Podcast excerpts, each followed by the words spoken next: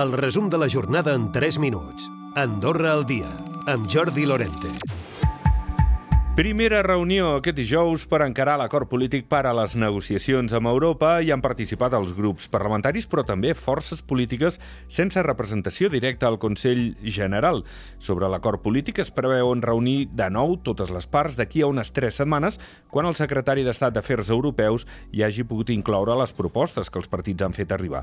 L'executiu ha posat també sobre la taula el fet que a les negociacions hi pugui haver un representant independent dels diferents grups.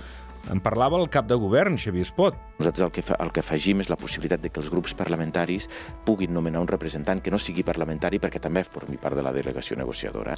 Des de la minoria s'ha valorat de manera interessant aquesta primera presa de contacte al voltant d'aquesta qüestió tan fonamental, de la qual també en parlen els economistes, perquè es plantegen la pregunta de si l'acord d'associació serà més positiu o negatiu pel país. Així tenen clar que tot dependrà de la lletra petita, però que una obertura a la Unió Europea comportaria una sortida més al teixit empresarial del país.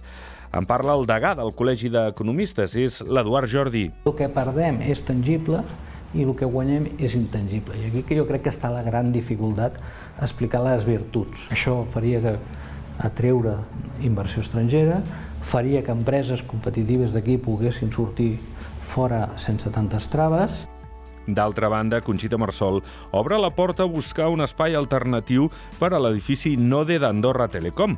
La ministra ha defensat a la rèplica que el projecte comportarà un moviment important de gent a la zona, destacant l'aposta de la plaça que va fer ja al Comú de la capital.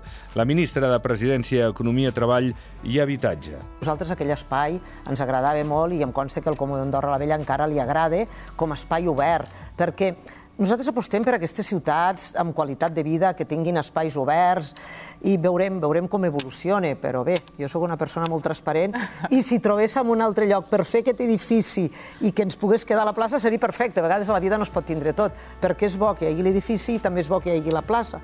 Per tant, treballarem a veure si trobem alguna cosa ja han jurat el càrrec set secretaris d'Estat i els tres que queden ho faran en les pròximes tres setmanes. Entre les prioritats de la legislatura, el desplegament de les lleis d'inversió estrangera o d'igualtat i l'actualització del text que recull els drets de les persones amb discapacitat.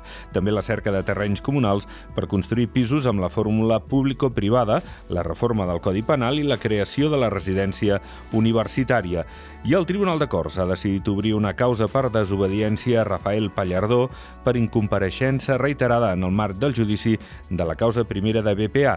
Aquest dijous, en la compareixença com a testimoni del cap de l'UIFAN, Finyana, ha dit que dels prop de 300 expedients tramitats per l'AREP, més de 200 van ser considerats sospitosos de blanqueig i tramitats a la Fiscalia.